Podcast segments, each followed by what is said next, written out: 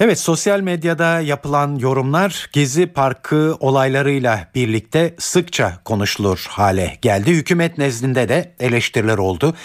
Kabine üyesi bazı isimler ve son olarak bugün Adalet Bakanı Sadullah Ergin sosyal medyaya yönelik bir düzenleme yapılacağından söz etmekteler. Peki ama bu acaba mümkün mü? Eğer olabilirse nasıl bir düzenleme gündeme gelecek? Sosyal medya danışmanı Yalçın Arı'nın bu sorulara verdiği yanıtlar şöyle.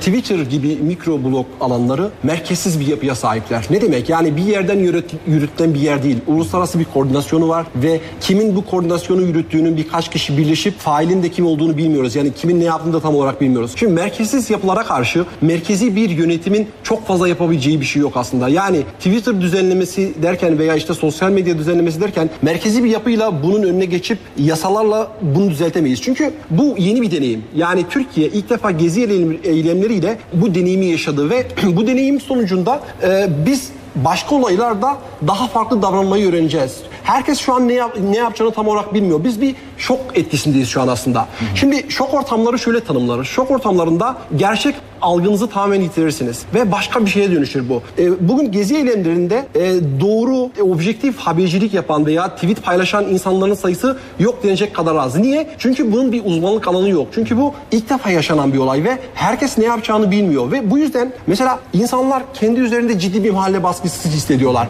Yani gezi eylemlerine karşı olmak ya da gezi eylemlerini desteklemek. O yüzden gün geçtikçe bu gezi eylemlerinin ateşi düşmeye başladığı zaman insanlar oturup düşünecekler. Acaba ben o ortamda yazdığım şeyler gerçekten doğru muydu? Çünkü gezi eylemleri şunu çok net söylemem gerekiyor. Karşımızda çok büyük bir olay yok. Yani şu açıdan büyük bir olay yok. Olayın kendisi büyük ama bizim zihnimizdeki sosyal medyada bize yansıya, yansıdığı kadar büyük bir şey değil. Çünkü sosyal medyanın şöyle bir yönü var. Bir gerçeğin kendisiyle oynayarak, onun yapı taşıyla oynayarak onu bize birkaç kat daha büyük gösteriyor. Ve onu negatif hale dönüştürüyor. Ve biz sosyal medyada öyle bir e, enformasyona maruz kaldık ki sosyal medyadaki ortamın sokaktakinden daha ateşli olduğunu bir de şöyle bir şey var. Şimdi ilk günlerde eğer televizyonlar canlı yayınlamış olsalardı, e, gezi eylemlerini canlı yayınlamış olsalardı biz daha az dezenformasyona maruz kalacaktık. Şimdi insanlar haberi televizyonlardan almadıkları zaman sosyal medyanın o yapısı değiştirilmiş ve gerçeğin dönüştürülmüş şeklini dikkate aldıkları zaman çıkıp sokağa merak ediyorlar.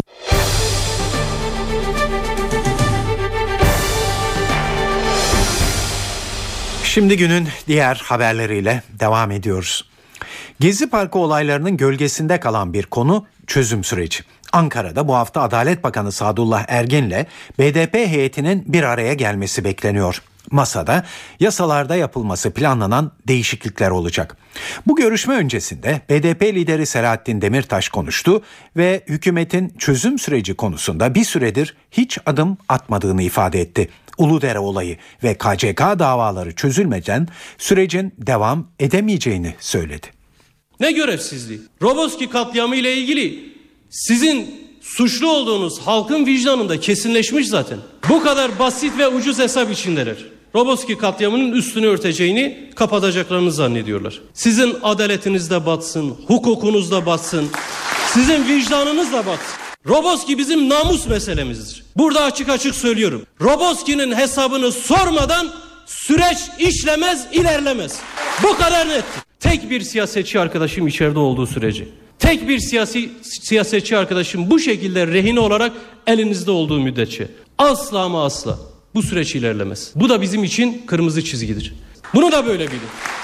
Bu da bizim açımızdan net bir tutumdur. Sayın Öcalan'la müzakere yürüteceksin resmen aleni açıkça. Çıkıp kürsülerde terörist başı bölücü başı diyeceksin. Sormazlar mı sana sen neyin başısın o zaman? Bu dil bu üslup barış getirebilir mi?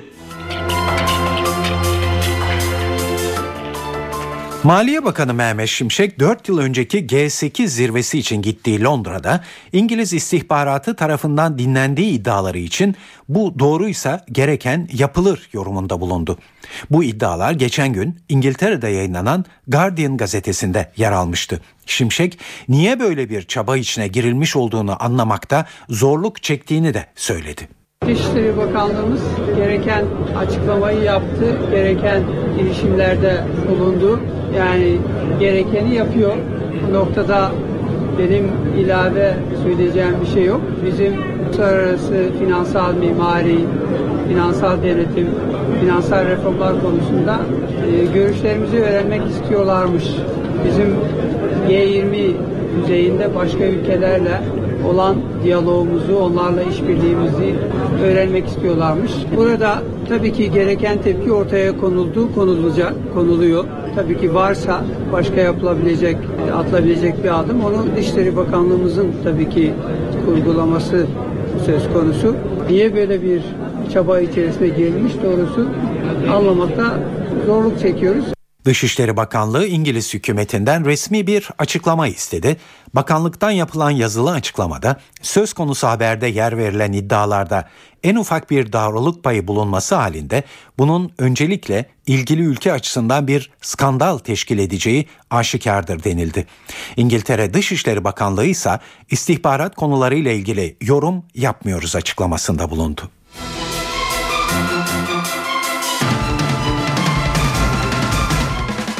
Saat 18.29 NTV Radyo'da eve dönerken haberler devam ediyor. Türkiye'nin 2018 sonuna kadar izleyeceği yeni ekonomik yol haritası hazır. Hükümet 5 yıllık kalkınma planını meclise gönderdi. Bu plana göre 2018 sonunda kişi başına gelir 16 bin dolara yükselecek. %10 alan işsizlik %7'ye ve enflasyonda %4,5'a düşecek nüfusun 80 milyona ulaşacağı öngörülmekte. Sosyal yaşama dair hedefler de var. Ankara muhabirlerimizden Ahmet Ergen'i dinliyoruz. Ekonomik büyüme artacak, işsizlik, enflasyon ve cari açık azalacak, Türkiye zenginler ligine girecek, özgürlük alanı genişleyecek. Hükümetin meclise gönderdiği 10. 5 yıllık kalkınma planının temel hedefleri bunlar bugün itibariyle meclisteki görüşmeleri de başlayan planla ilgili olarak Başbakan Recep Tayyip Erdoğan da açıklamalarda bulundu ve 10. kalkınma planı döneminde Türkiye'nin yıllık ortalama %5,5 oranında büyümesinin hedeflendiğini söyledi. Kişi başına milli gelirinde 5 yıl sonunda 16 bin dolara çıkmasını hedeflediklerini anlattı. Plana göre enflasyon 5 yıllık dönemde %5'in altında bir ortalama yakalayacak. 2018 sonu için enflasyon hedefi %4,5. İşsizlik de 5 yıl sonra %7,2'ye gerileyecek. Hedef bu şekilde Başbakan Recep Tayyip Erdoğan da önümüzdeki 5 yıl içinde toplam 4 milyon yeni istihdam hedeflendiğini ifade etti. Nüfusun 80 milyona öngörülen planda sosyal yaşama dair hedefler de var. Plana göre özgürlük alanı genişletilecek. Bireylere ve topluma daha mutlu bir yaşamın önünü açan kapsayıcı, bütünleş, çoğulcu yeni bir anayasa en geniş mutabakatla hazırlanacak. Kentsel dönüşüm kültürel kimliğe uygunluk gözetilerek yapılacak. Çevre yönetiminde özel sektörün, yerel yönetimlerin ve sivil toplum kuruluşlarının rolü artırılacak. Ahmet Ergen, NTV Radyo Ankara. Şimdi de para ve sermaye piyasalarında bugünkü gelişmeleri yansıtacağız sizlere.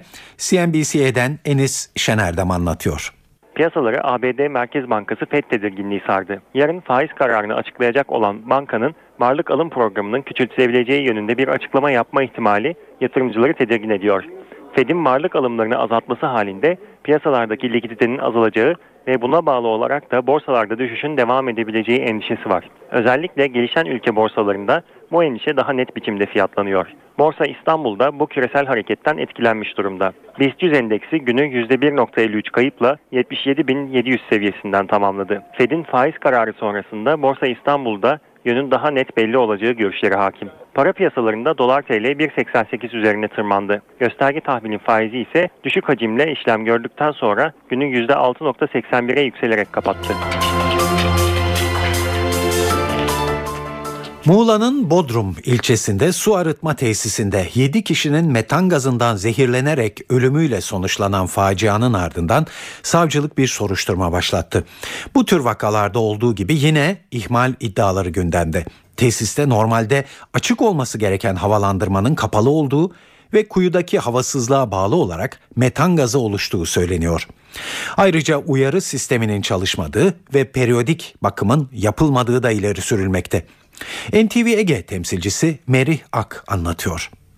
Bugün Güllük'te büyük bir hüzün vardı. Onu belirterek başlayalım. 7'sinden 70'ine herkes bugün cenaze törenine geldi ve gözyaşı döktü. Muğla valisi idari ve yargı sürecinin başlatıldığını bildirdi ve bununla ilgili şu anda net bir bilgi olmadığını, olayın e, cam ve bacanın kapatılmasından kaynak kaynaklanmadığını, soruşturulduğunu, savcılığın bu konuyla ilgili incelemelerini sürdürdüğünü belirtti. Makine Mühendisi Odası Milas Şube, Şube Başkanı Onur Omay e, bir yıl önce burada bir denetim yaptıklarını söyledi ve bu denetimler sonucunda da bu tesisin kapatılması için Çevre İl Müdürlüğü'ne rapor sunduklarını belirtti. Peki neden istediler bu kapatmayı? E, tesisin hatalı yapıldığını bildirdiler ve bu tesisin hatalı yapılmasından e, dolayı da bu tesisin aslında e, çalışmaması gerektiğini vurguladıklarını dile getirdiler. 11 kişi çalışıyordu bu tesiste ki tesis 2008 yılında işletmeye alındı. Bir önceki belediye döneminde de özelleştirildi. E, özel bir şirkete verildi. O şirket tarafından e, işlemi sürüyordu. Tabii çok çeşitli iddialar var. Baca ve havalandırma pencerenin kapalı olması bu bir iddia. Bununla ilgili savcılık soruşturma başlattı. Metan gazın neden biriktiği araştırılıyor. Başka iddialar da var. Metan gazı uyarı sisteminin olmadığı ki özellikle bu işte e, kömür madenlerinde bu tesislerin olduğunu biliyoruz. Burada yoktu. Ayrıca yine bu böyle bir riskli ortama işçilerin hiçbir önlem olmadan girmesi de bir başka ihmal olarak gözüküyor. Gaziantep'te geçen yıl meydana gelen ve dördü çocuk 11 kişinin hayatını kaybetmesine yol açan bombalı saldırının sanıkları için rekor ceza talep edildi. Hazırlanan iddianamede 10 sanık için 82 kez ağırlaştırılmış müebbet istendi. İddianame Adana 10. Ağır Ceza Mahkemesi tarafından kabul edildi. Böylece dava da açılmış oldu. İddianamede patlayıcı yüklü aracın arızalandığı bahanesiyle Şanlıurfa'dan dikkat çekmemek için Gaziantep'e çekiciyle götürüldüğü anlatıldı. İddianamede sanıkların mümkün olduğunca çok kişiyi öldürmeyi amaçladığı, kullanılan patlayıcının da bunu kanıtladığı belirtildi.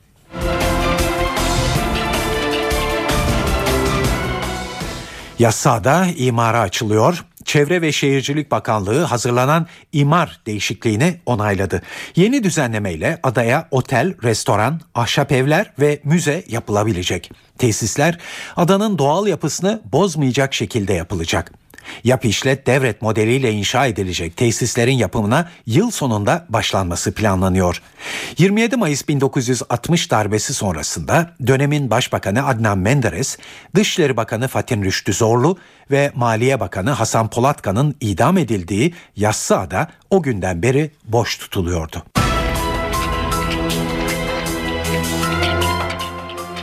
Günün öne çıkan gelişmelerini özetliyoruz. Gezi eylemleriyle ilgili olarak başta İstanbul, Ankara ve Eskişehir gelmek üzere 103 kişi bugün gözaltına alındı. Gezi Parkı eylemleri şekil değiştirdi. Yeni eyleme Duran İnsan adı kondu. Bu hafta Adalet Bakanı Sadullah Ergin ile BDP'den bir heyetin çözüm sürecini görüşmesi bekleniyor. Bunun öncesinde Demirtaş hükümeti bir süredir hiçbir adım atmamakla eleştirdi. Muğla'nın Bodrum ilçesinde su arıtma tesisinde 7 kişinin metan gazından zehirlenerek ölümüne yine ihmalin yol açtığı söyleniyor. Yunanistan'da Yargıtay Devlet Televizyonu ERT'nin kapatılması kararını askıya aldı. Brezilya'da toplu taşıma ücretlerinin arttırılmasına ve Konfederasyon Kupası için yapılan harcamalara tepki olarak başlayan protestolar devam ediyor. Ve Washington'da Beyaz Saray Taliban'la koşullu olarak görüşmelere başlayacağını duyurdu.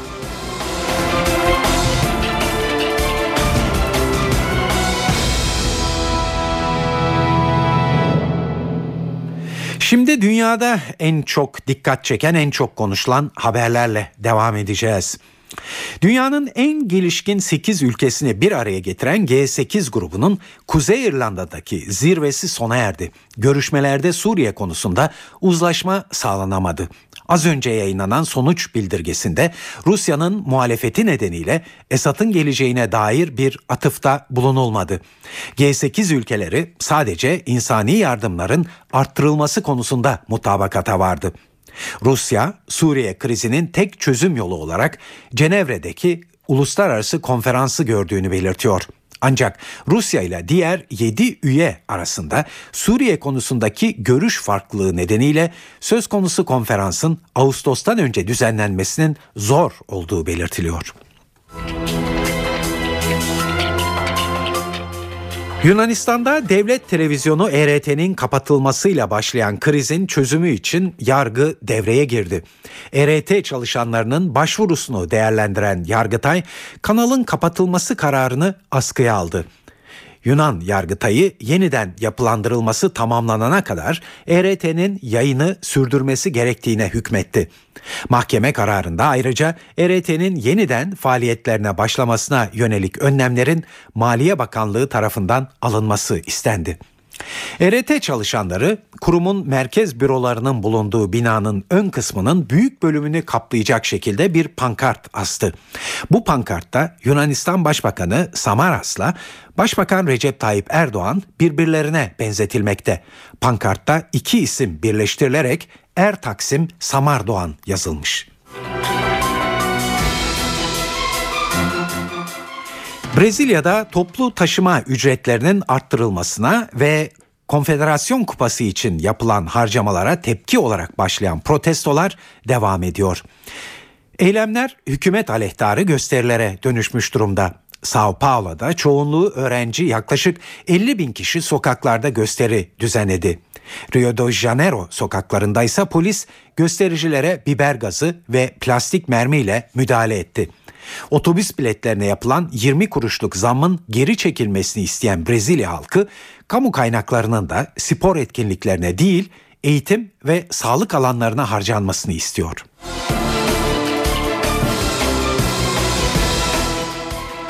Afganistan'da güvenlik bugünden itibaren NATO'dan Afgan güçlerin sorumluluğuna geçti. NATO elindeki son 95 bölgenin kontrolünü Afgan güvenlik güçlerine devretti. Bu amaçla düzenlenen törene Afganistan Devlet Başkanı Hamid Karzai ve NATO Genel Sekreteri Anders Fogh Rasmussen katıldı. NATO'nun devreden çekilmesiyle artık güvenliği 350 bin kişilik Afgan ordusu sağlayacak. Bu durum çok uluslu gücün 2014 yılı sonunda Afganistan'dan çekilmesi öncesinde bir dönüm noktası olarak görülüyor ve ülkedeki şiddet soru sürüyor. Başkent Kabil'de devlet başkanı ikinci yardımcısı kendisine hedef alan intihar saldırısından kurtuldu ancak bu olayda 3 kişi hayatını kaybetti. Bu gelişmeler yaşanırken Washington'da Beyaz Saray Amerika'nın Taliban'la görüşmelere başlayacağını duyurdu. İlk toplantının Taliban'ın Katar başkenti Daho'da açtığı büroda önümüzdeki günlerde yapılması bekleniyor. Afganistan Devlet Başkanı Karzai de Taliban'la görüşmek üzere Katar'a bir heyet göndereceğini açıklamış bulunuyor. Amerikan yetkilileri ilk haftalarda iki taraf arasında tutukluların değiştirilmesi ve birbirlerinin görüşlerini değerlendirmekle geçeceğini belirtiyorlar. Amerikan yönetimi bu görüşmelerin Taliban'ın şiddet kullanmaktan vazgeçmesi, El-Kaide ile bağlantılarını koparması, Afgan anayasasına ayrıca kadın ve azınlık haklarına saygı göstermesi koşuluna bağlı olacağını duyuruyorlar. Katar'da yönetim değişiyor.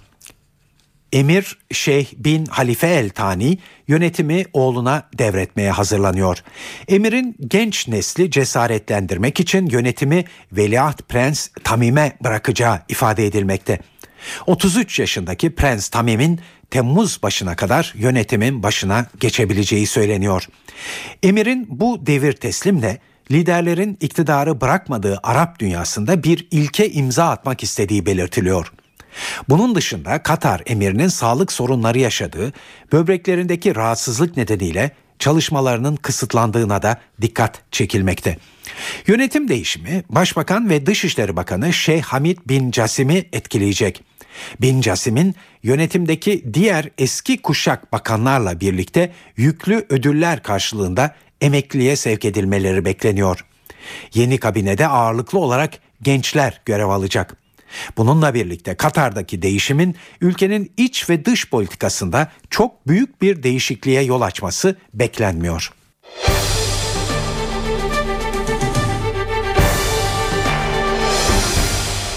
Evet şimdi futbol dünyasından haberlerle devam edeceğiz. Futbol Federasyonu Genel Kurulu bugün bir toplantı yaptı.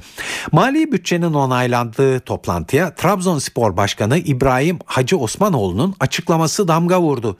Hacı Osmanoğlu şike davası üzerinden federasyonu şöyle eleştirdi. UEFA bize yazı gönderdi. Federasyon temsilen UEFA'ya gitti. Niye gitti anlamadım. Neyin tarafısınız siz? Adaletli Türk futbolunun tarafı mısınız? Yoksa emek hırsızlarının tarafı mısınız? Ona da belki bilgi almak için gittiniz. Ona da bir şey demiyorum. Saygı duyuyorum Türkiye Futbol Federasyonu'na bilgi almak için gitmiş olabilir. Benim muhatabım değil özellikle söylüyorum. Benim başkanlardır muhatabım. Başkan vekili arkadaş çıktıktan sonra açıklama yapıyor. Bizim açımıza iyi oldu. Ceza verilir verilmez ertelenecek. E, iyi, iyi geçti bizim için. Ya işte nasıl geçti yani? İyi geçti derken ya. Siz siz bizim biz siz derken yani kimdir bu anlamadım ben ya. Burada bir tarafta Trabzonspor'un elinden çalınan şampiyonluk var. Bir tarafta hırsızlar var. Yani ceza almayacaklar. Bizim için iyi geçti diyorsunuz. Ya bu mu sizin adalet anlayışınız? Eğer böyle bir adalet anlayışınız varsa biz sizi tanımıyoruz zaten. Ha o zaman tercih edeceksiniz. Türk futboluna namuslu hizmet etmek isteyen insanlarla mı beraber olacaksınız? Yoksa namussuz olanlarla mı beraber olacaksınız? Ama herkes şunu bilsin ki bu ülkede namuslu insanlar namussuz insanlardan kat kat daha güçlüdür. Ama bugüne kadar o gücü kullanmadıysa özellikle de benim camiamı, benim Trabzonspor'umu yönetenler kullanmadıysa Trabzonspor'un anlayışı bundan sonra eski anlayış değildir. Trabzonspor Başkanı'nın bu sözlerine Federasyon Başkanı Yıldırım Demirören şöyle yanıt verdi. Değerli başkanım çok haklı. Futbolun baştan sona temizlenmesi lazım. Temizlenmesi gerekenler zaten gittiler. Önce onlar temizlenecekler. Bu kadar basit değil bu işler. Ben ve arkadaşlarımın veremeyeceği hiçbir hesap yoktur. Sonuna kadar veririz. Biz federasyon olarak tabii ki UEFA'da Türkiye'ye gelecek bir şey var mı diye sorarız. Türkiye ile ilgili sorun var mı diye sorarız. Çünkü Türk futbolunu Türkiye Federasyonu ilgilenir. Diğerleri kulüplerin kendi davalarıdır. Biz taraf olamayız. Kulüpler haklarını savunurlar, savunamazlar. Cezalarını alırlar, almazlar. Bizi de uzaktan yakından ilgilendirmez. Yeter ki Türk futboluna hiçbir şey gelmesin. Galatasaray yeni transferi Aurelion Çedu'ya kavuştu. Kamerunlu stoper bugün sağlık kontrolünden geçti ve kendisini sarı kırmızılı takıma bağlayan 4 yıllık imzasını attı. Şebu son olarak Fransa'da oynuyordu. Transfer sürecine ve hedeflerine ilişkin olarak şöyle konuştu. Ocak ayında başlayan bir transfer süreciydi.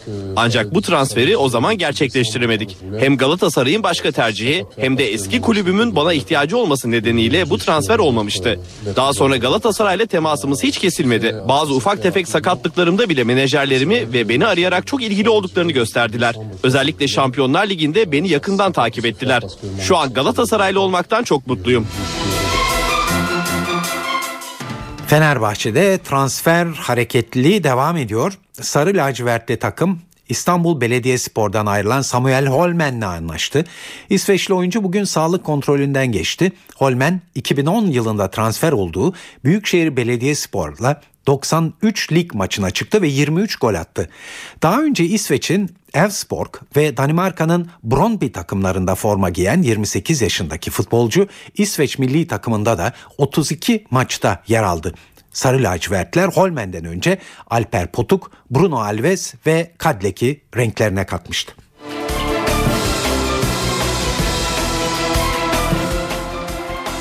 Evet Beşiktaş bu yıl iki düşünüp bir adım atma niyetinde. Geçmişte büyük paralar harcayıp yıldız isimlerle anlaşan siyah beyazlılar buna rağmen beklentilerini karşılayamamıştı. Bu nedenle yönetim ve sportif direktör Önder Özen transferi ağırdan alıyor. Hedeflenen oyuncular bu yıl sıkı bir izleme denetiminden geçiyor. Önder Özen iki yabancı savunma oyuncusuyla pazarlık halinde olduklarını söyledi. Teknik direktörün kim olacağı sorusuna ise bağlayıcı bir yanıt vermedi.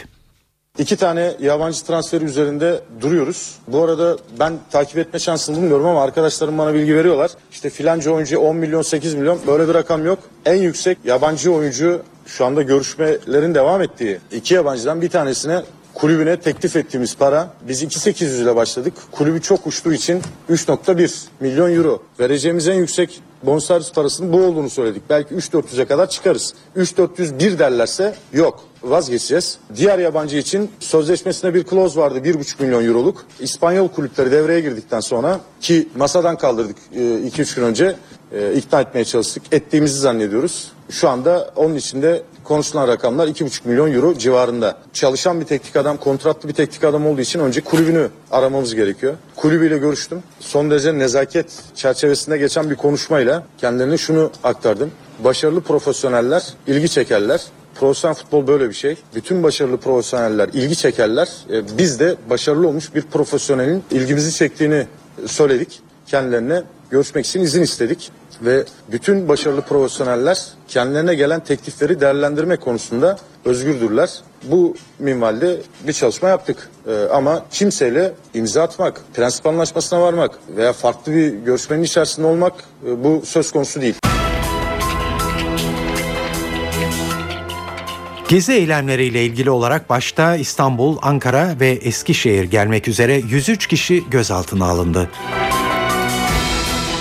Gezi Parkı eylemleri şekil değiştirdi. Yeni eyleme duran insan adı kondu. Ve Cumhurbaşkanı Abdullah Gül Gezi Parkı eylemleri hakkında yapılması düşünülen projeler askıya alınmış oldu. Mesajların dikkate alındığı görünüyor diye konuştu.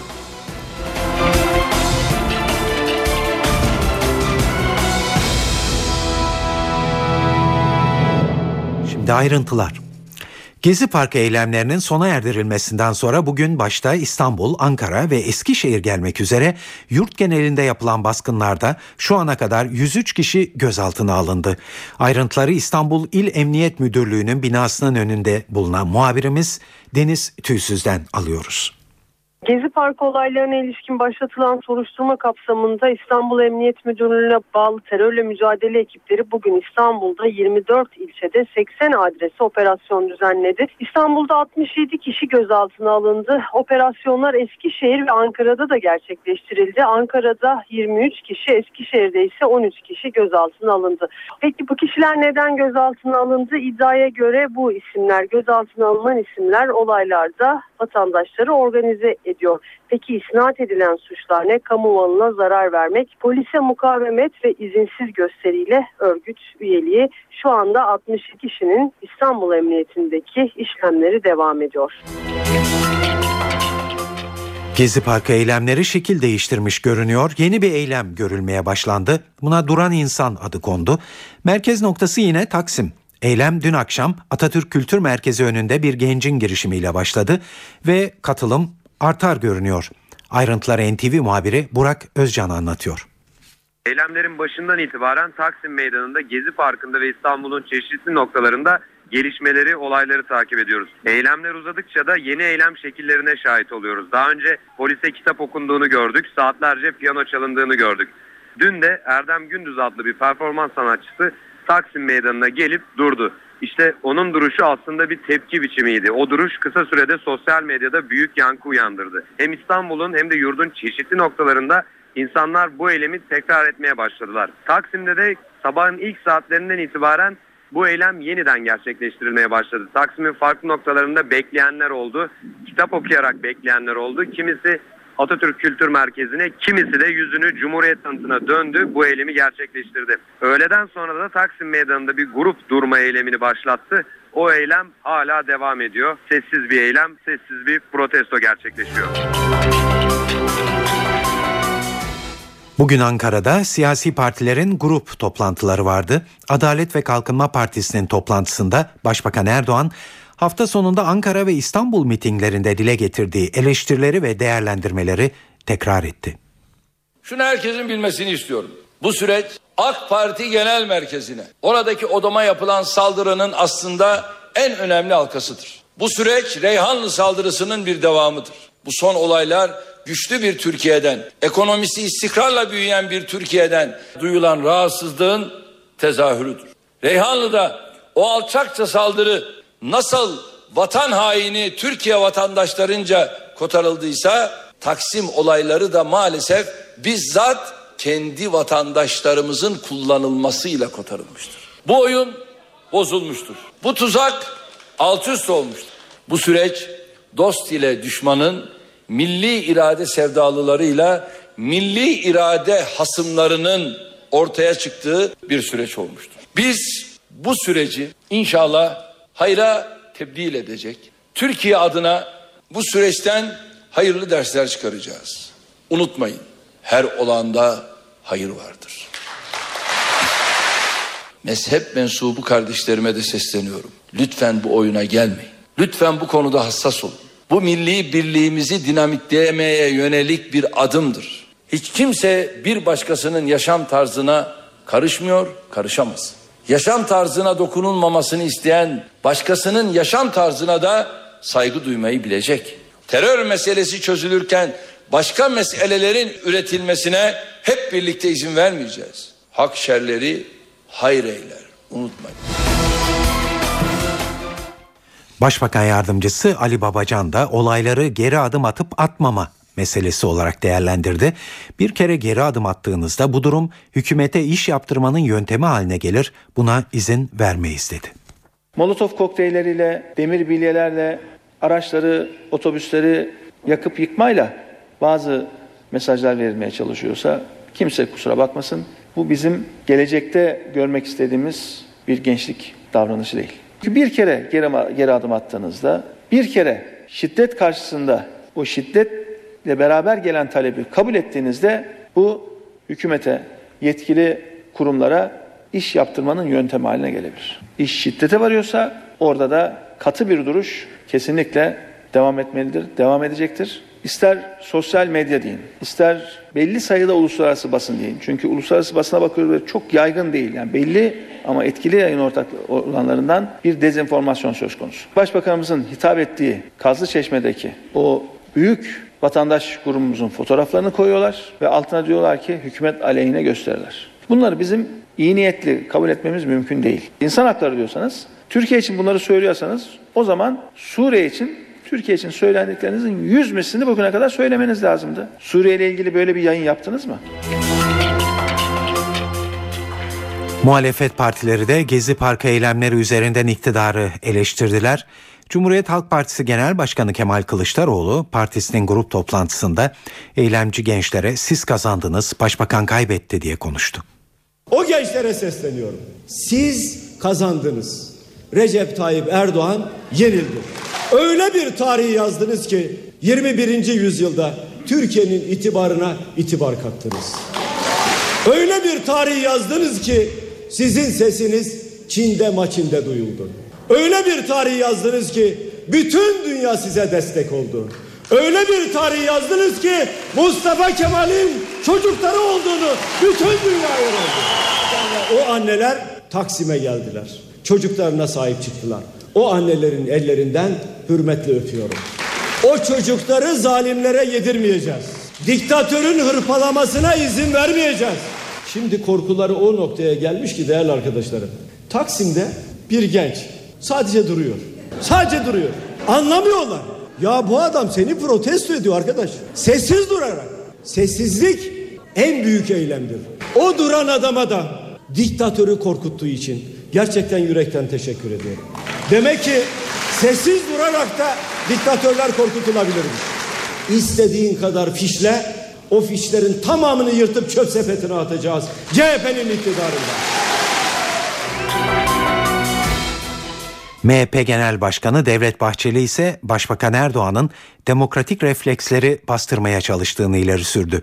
MHP lideri konu 3-5 ağacın kesilmesinden ötedir, sağduyuyla çözülecek bir mesele kör düğüm haline almıştır dedi.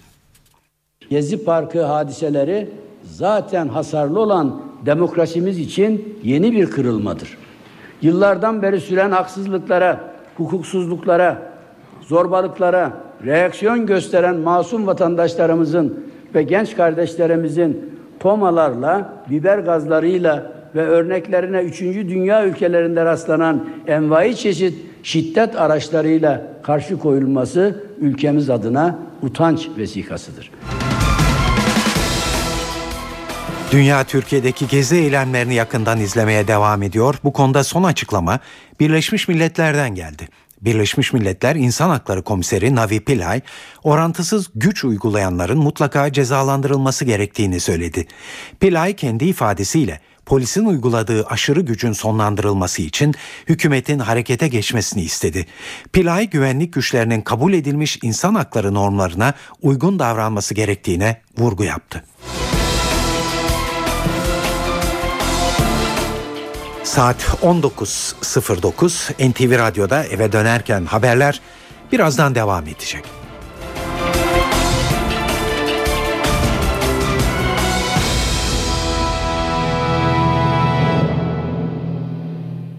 Gezi Parkı olaylarıyla ilgili olarak Cumhurbaşkanı Abdullah Gül'den bir açıklama geldi bugün. Gül, yapılması düşünülen projeler askıya alınmış oldu, mesajların dikkate alındığı görünüyor diye konuştu. Sokak eylemlerinin bitmesi gerektiğine vurgu yapan Cumhurbaşkanı, sosyal medyaya yönelik düzenleme yapılabileceği yönündeki haberleri de yanıtladı. Gül'ün açıklamalarını NTV Ankara temsilcisi Nilgün Balkaç derledi. Cumhurbaşkanı Abdullah Gül önemli detaylar verdi gündeme dair. Öncelikle Gezi Parkı eylemleriyle başlayalım. Cumhurbaşkanı bu konuda bir kez daha net konuştu. Geceleri sokakta yapılan eylemlerin artık bitmesi lazım. Mesajı aldık demiştim. Herkes aldı. Bundan sonra suhuletle devam edilmeli dedi. Bunun çözüm yolu, yolunun itirazların dinlenmesi ve diyalog zemininin oluşturulması olduğunu söylemiştik. Bu zemin oluşturuldu ve oradaki çalışmalarda bir noktada askıya alındı. Mesajlar dikkate alındı. Önümüzde bir süre var. Bundan sonra bu süre içinde görüşler, düşünceler meşru zeminde aktarılmalı mesajını verdi bugün Çankaya Köşkü'nde. Cumhurbaşkanı kimse fark etmiyor ama ekonomiye birçok noktada etkileri var dedi. Didilerek oluşturduğumuz imajı 10 yıl içinde oluşturduğumuz imajı bir hafta içinde yıkıp geçebiliyoruz. Sıcağı sıcağına kimse fark etmiyor ama iş dünyasında dışarıda da tereddütler oluşmaya başladı. Artık bir noktadan sonra huzur kaçmaya başlar dedim. Ve Twitter ya da sosyal medya üzerinde bir düzenleme yapılacak mı? Bu konu Gezi Parkı eylemlerinin ardından gündeme gelmişti ve Ankara'da günlerdir tartışılıyor bu konu. Cumhurbaşkanı bu konuda da yine net mesajlar verdi. Ne yapılırsa yapılsın düzenlemeyi bilmiyorum, nasıl yapılacağını da bilmiyorum dedi ama diye ekledi. Avrupa Birliği hukuku burada da geçerli olmalı. Avrupa Birliği hukukunun asla gerisine düşmemeliyiz. Ne yaparsak yapalım kriterimiz demokratik hukuk kuralları içinde olsun. Avrupa Birliği süreci başladı, biter ya da bitmez, tamamlanır ya da tamamlanmaz ama her şey Avrupa Birliği'nin gelişmiş hukuk kuralları içinde gerçekleştirilmeli. Sosyal medyada bir eleştirisi vardı Cumhurbaşkanı'nın. Bir insan tweet atıyor. Önümde şu anda 10 kişi öldü diyor. Böyle diyorsa hangi tarafta olursa olsun halk halkı bir paniğe sürüklüyor bu tür mesajlar dedi. Buna meda, müda, e, müsamaha etmemeliyiz ama ne yaparsak yapalım AB hukuk kuralları içinde gerçekleştirmeliyiz dedi ve şunun altını çizdi. Reform süreci tekrar başlamalı. İvme kaybedersek süreci zayıflatırız. Ölçümüz Avrupa Birliği olmalı dedi. Ve tabii bu süreçte Avrupa Parlamentosu'ndan ve Avrupa Birliği'nden gelen birçok eleştiri vardı Türkiye'ye. Bu eleştirileri de yanıtladı Cumhurbaşkanı. Yanlış bulunan bir takım şeyler eleştirilebilir ancak Türkiye eleştirilirken ölçüsüz olunmamalı, orantısız olunmamalı dedi. Türkiye üzerinde bir oyun var. Bir sarsıntı geçirdik. Gereken yapılıyor. Hemen toparlanmamız lazım. Şiddet olursa haklı itirazlar da yok olur. Haksız itiraz haline gelir. Sokaklar hemen boşaltılmalı. Bundan sonrası zarar verir. Demokraside fikirler söylenir ama belli bir noktada illegal örgütlere izin verilmemeli dedim. Ve tartışılan bir başka başlık İstanbul'a yapılacak 3. köprünün ismi. Bu konuyla ilgili Cumhurbaşkanı kendisine de eleştirilerin geldiğini ve hassasiyetleri gördüğünü ifade etti ve şunu söyledi. Bundan sonra Türkiye Cumhuriyeti Devleti'nin yapacağı önemli bir projede muhtemeldir ki böyle bir projede iki önemli isim verilebilir. Ya Pir Sultan Abdal ya da Hacı Bektaşi Veli adı verilebilir. Belki de hassasiyetler bu noktada giderilebilir mesajını verdi ve adı değiştirilebilir mi köprünün? Bu konuda da Cumhurbaşkanı onu bilmiyorum ama tarihle ilgili çok farklı yorumlar, değerlendirmeler var dedi. Türkiye'nin 2018 sonuna kadar izleyeceği yeni ekonomik yol haritası hazır. Hükümet 5 yıllık kalkınma planını meclise gönderdi. Bu plana göre 2018 sonunda kişi başına gelir 16 bin dolara yükselecek. %10 olan işsizlik %7'ye, enflasyon %4,5'a düşecek. Nüfusun da 80 milyona ulaşması öngörülmekte. Sosyal yaşama dair hedefler de var. Bunları Ankara muhabirlerimizden Ahmet Ergen anlatıyor. Ekonomik büyüme artacak, işsizlik, enflasyon ve cari açık azalacak, Türkiye zenginler ligine girecek, özgürlük alanı genişleyecek. Hükümetin meclise gönderdiği 10. 5 yıllık kalkınma planının temel hedefleri bunlar.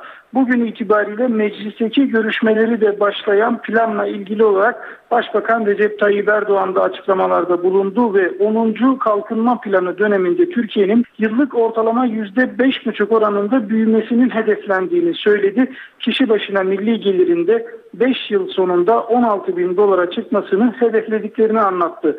Plana göre enflasyon 5 yıllık dönemde %5'in altında bir ortalama yakalayacak. 2018 sonu için enflasyon hedefi %4,5. İşsizlik de 5 yıl sonra %7,2'ye gerileyecek. Hedef bu şekilde Başbakan Recep Tayyip Erdoğan da önümüzdeki 5 yıl içinde toplam 4 milyon yeni istihdam hedeflendiğini ifade etti.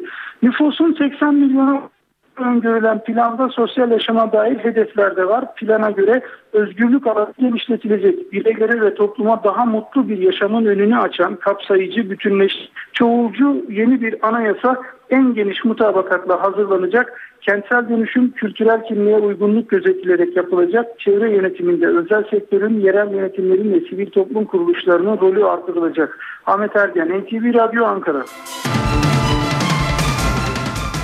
Muğla'nın Bodrum ilçesinde su arıtma tesisinde 7 kişinin metan gazından zehirlenerek ölümüyle sonuçlanan facianın ardından savcılık soruşturma başlattı. Bu tür vakalarda olduğu gibi yine ihmal iddiaları gündemde. Ayrıntıları NTV Ege temsilcisi Merih Ak anlatıyor. Bugün Güllük'te büyük bir hüzün vardı onu belirterek başlayalım. 7'sinden 70'ine herkes bugün cenaze törenine geldi ve gözyaşı döktü. Muğla valisi idari ve yargı sürecinin başlatıldığını bildirdi ve bununla ilgili şu anda net bir bilgi olmadığını, olayın e, cam ve bacanın kapatılmasından kaynaklanıp kaynaklanmadığını soruşturulduğunu, savcılığın bu konuyla ilgili incelemelerini sürdürdüğünü belirtti. Makine Mühendisi Odası Milas Şube Başkanı Onur Omay e, bir yıl önce burada bir denetim yaptıklarını söyledi ve bu denetimler sonucunda da bu tesisin kapatılması için Çevre İl Müdürlüğü'ne rapor sunduklarını belirtti. Peki neden istediler bu kapatmayı? E, tesisin hatalı yapıldığını bildirdiler ve bu tesisin hatalı yapılmasından e, dolayı da bu tesisin aslında e, çalışmaması gerektiğini vurguladıklarını dile getirdiler. 11 kişi çalışıyordu bu tesiste ki tesis 2008 yılında işletmeye alındı. Bir önceki belediye döneminde de özelleştirildi. E, özel bir şirkete verildi. O şirket tarafından e, işlemi sürüyordu. Tabii çok çeşitli iddialar var. Baca ve havalandırma pencerenin kapalı olması bu bir iddia. Bununla ilgili savcılık soruşturma başlattı. Metan gazının neden biriktiği araştırılıyor. Başka iddialar da var. Metan gazı uyarı sisteminin olmadığı ki özellikle bu işte e, kömür madenlerinde bu tesislerin olduğunu biliyoruz. Burada yoktu. Ayrıca yine bu böyle bir riskli ortama işçilerin hiçbir önlem olmadan girmesi de bir başka ihmal olarak gözüküyor. Geldik kültür ve sanat dünyasından e, haberlere. Size çeşitli etkinliklerden bir derleme sunuyoruz. 41. İstanbul Müzik Festivali kapsamında Cameristi della Scala, Sholoma Mintz İstanbullu sanatseverlerle bir araya geliyor bu akşam. Stil çeşitliliği ve güçlü tekniğiyle tanınan şef ve keman sanatçısı Shlomo Mintz'e sanatçının düzenli olarak işbirliği yaptığı seçkin topluluklardan Cameristi della Scala eşlik ediyor. Festivalin zaman ve değişim temasına uyarlanmış performansta Bach ve Schubert'in eserleri ve Grieg'in bir önceki yüzyılın danslarını ve stillerini kendi dönemine uyguladığı neoklasik eseri Holberg Suite'i de sergilenecek. Performans saat 20'de başlıyor. Bulutsuzluk Özlemi ise Beyoğlu Hayal Kahvesi'nde hayranları için konser veriyor. Müziklerinde batı kaynaklı rock melodilerine ve Anadolu ezgilerine yer veren grup sevilen şarkılarını seslendirecek. Nejat Yavaşoğulları, Sina Koloğlu, Sunay Özgür, Deniz Demiröz ve Gencay Kıymaz'dan oluşan grup saat 22.30'da sahnede. İzmir'de ise Kerem Görsev Trio Ayhan Sicimoğlu müzikseverlerle buluşuyor. Caz piyanisti Kerem Görsev ile Latin perküsyon ustası Ayhan Sicimoğlu, Mambo In, I Remember April ve Blue Bossa gibi klasikleşmiş parçaları seslendirecek hayranları için. Davulda Ferit Odman ve kontrbasta Kaan Yıldız'ın eşlik edeceği performans saat 21'de başlıyor. Konser mekanı Bostanlı Suat Taşer Açık Hava Tiyatrosu. Tiyatro severler için de bir önerimiz var İzmir'den. Irmak Bahçeci'nin kaleme aldığı Yıldıray Şahinler'in yönetmen koltuğunda oturduğu Alevli Günler bugün Bornova Açık Hava Tiyatrosu'nda sahneye konuyor. Çocukluğundan beri ayrılmamış üç arkadaştan biri kanser olunca inançları gereği öldükten sonra yakılmak ister ve başvurdukları her yerde türlü türlü komediler yaşar. Cem Davran, Bahtiyar Engin, Yıldıray Şahinler, Selin Yeninci ve Erkan Can oyuncu kadrosunda yer alan isimler. Oyun saat 21'de açıyor perdelerini. Anadolu Ateşi ise Antalya'da olacak bugün. Saat 21'de Antalyalı sanatseverlerle buluşuyor gösteri. Anadolu Ateşi'ne Aspendos Arena ev sahipliği yapıyor. Bu akşam evdeyseniz CNBC'de Failure to Launch adlı film var. Matthew McConaughey ve Sarah Jessica Parker'ın başrollerini paylaştığı film 30 yaşını geçmiş ama ailesiyle yaşamaya devam eden Triple, oğullarını evden çıkarmak için ayarladıkları Paula arasında yaşananları anlatıyor. Filmin başlama saati 22. Öncesinde ise saat 21'de Rizzoli and Isles ekranda olacak. Star TV'de ise saat 20'de Survivor izlenebilir. NTV'de de saat 21'de Haber Aktüel ekrana gelecek.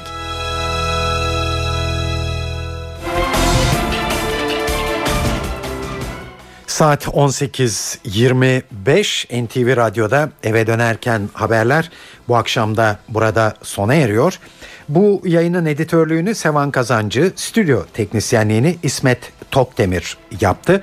Ee, yarın saat 13'te öğle saatinde gündem programında buluşmak üzere ben Tayfun Ertan. Hepinize iyi akşamlar diliyoruz.